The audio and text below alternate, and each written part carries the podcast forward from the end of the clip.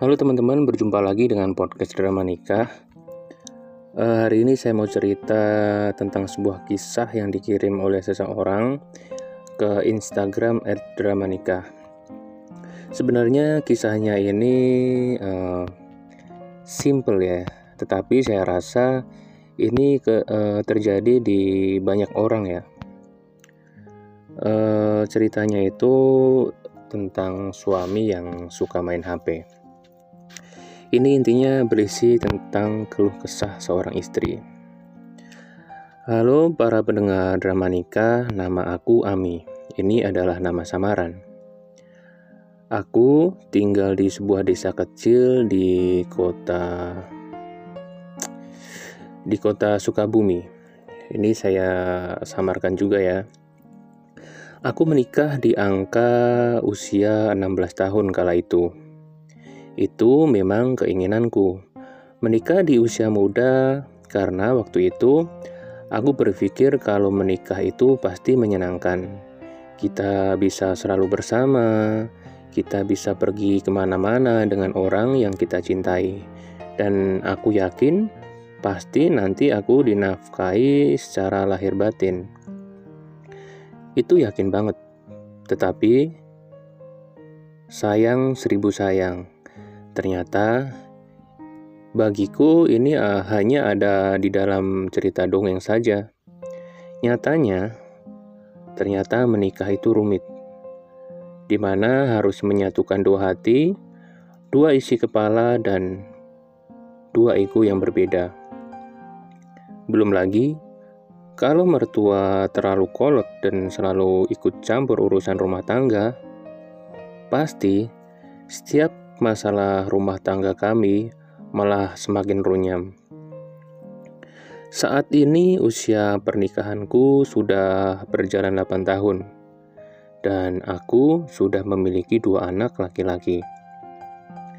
Menurutku angka itu sebenarnya masih terlalu sedikitlah untuk mengenal pasanganku. Karena kami ini sering sekali selisih pendapat dan saling mementingkan ego masing-masing, dan itu selalu terjadi setiap hari. Suami yang romantis dan pengertian adalah hal yang paling sederhana aku inginkan. Namun, itu semua berbanding terbalik. Lelaki yang dulu aku cinta dengan tulus, sekarang dia ini jadi cuek dan acuh Bahkan pernah aku sakit ya. Dia ini benar-benar tidak peduli. Seperti malam kemarin. Malam kemarin kepalaku sakit banget, benar-benar pusing. Aku meminta dia untuk jaga anak-anak sebentar. Jaga sebentar ya anak-anak, Pak. Karena anak-anak malah main air di atas kasur sampai semuanya basah kuyup. Tetapi Suamiku ini benar-benar tidak peduli, hanya diam. Di situ aku sangat sedih. Kemudian aku ganti baju anak-anakku yang sudah basah. Waktu itu aku mengganti baju anak-anak sambil menangis dan suami malah bilang, "Lebih banget loh. Gitu aja nangis." Zaman yang serba canggih ini, dia lebih sering bermain dengan HP dibanding ngobrol dengan aku, membicarakan hal-hal yang penting seperti masa depan anak dan masa depan rumah tangga ini. Dia ini sebenarnya bukan kecanduan game ya, bukan chatting. Tetapi dia ini senang sekali nonton YouTube, nonton animasi, nonton spoiler film. Ya seperti itulah. Sering banget ya aku cemburu dengan HP-nya. Dia ini ke mana pergi selalu bawa HP. Mau keluar, mau ke toilet, mau sedang rokok di luar, bahkan bangun tidur yang dicari pertama kali ya HP-nya. Ketika bekerja pun dia tak, tak luput sambil menggenggam HP-nya. Sampai ketika sedang tidur, dia ini main HP. kayak gitu dia. Sebenarnya tidak lelah ya aku menasehati dia agar tidak terlalu fokus dengan HP-nya. Tetapi dia ini benar-benar tidak mengindahkan sedikit pun. Seringkali dia bahkan lupa dengan ibadahnya gara-gara main HP. Nah, ketika aku semakin sering mengingatkan, maka aku akan semakin tertusuk oleh pukulan-pukulan jawaban dia yang dilontarkan, dan pertengkaran pun akhirnya terjadi. Jujur, lelah, dan marah itu pasti. Sebisa mungkin aku mencoba untuk mencoba lagi, mengalah, dan menerima. Pernah suatu ketika aku berada di ujung putus asa Aku berpikir untuk menyerah, dan aku benar-benar sudah merasa kalah.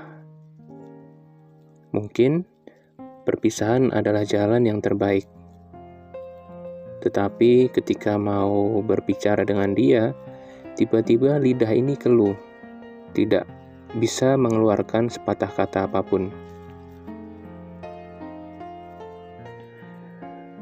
Hati yang rapuh karena memendam semua rasa sakit semakin melilit, tidak tahu kapan ini berakhir. Aku sendiri hanya berpasrah ke ilahi agar bisa menerima takdir ini. Haruskah aku bertahan dalam kursi pesakitan ini, ataukah aku harus menyerah, melepaskan seseorang yang selalu menyakiti, dan aku bisa melanjutkan merenda mimpi-mimpi yang sempat terhenti. Penyesalan hanyalah tinggal penyesalan, nasi sudah menjadi bubur. Tak mungkin aku untuk mundur, karena jujur saja membangun hubungan dengan orang yang baru itu sulit.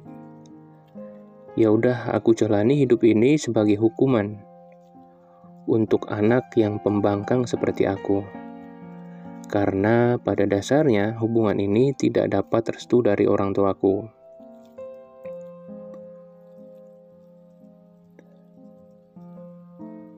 Dan sekarang, hari demi hari aku lewati, meski sesak terasa di dada, ikhlas aku menjalani, dan aku berharap berdoa berpasrah diri ke Tuhan untuk mendapatkan jalan yang terbaik. Anak-anak adalah penguat hidupku, seperti ketika aku bertengkar dengan suami, dan ketika aku menangis, mereka pasti selalu memeluk aku.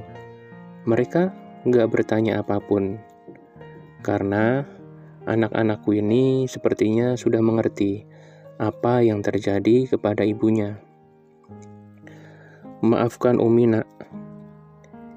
Umi selalu menyembunyikan kesedihan ini di depan kalian. Umi harap kelak kalian jadi lelaki yang berwibawa, tanggung jawab, dan menjadi imam yang baik bagi keluarga kamu. Dan semoga abimu ini segera sembuh dari candu HP itu. Dan dia akan kembali ke dalam keluarga utuh menjadi manusia yang takwa, tidak melupakan pencipta, karena hanya sibuk menikmati surga dunia.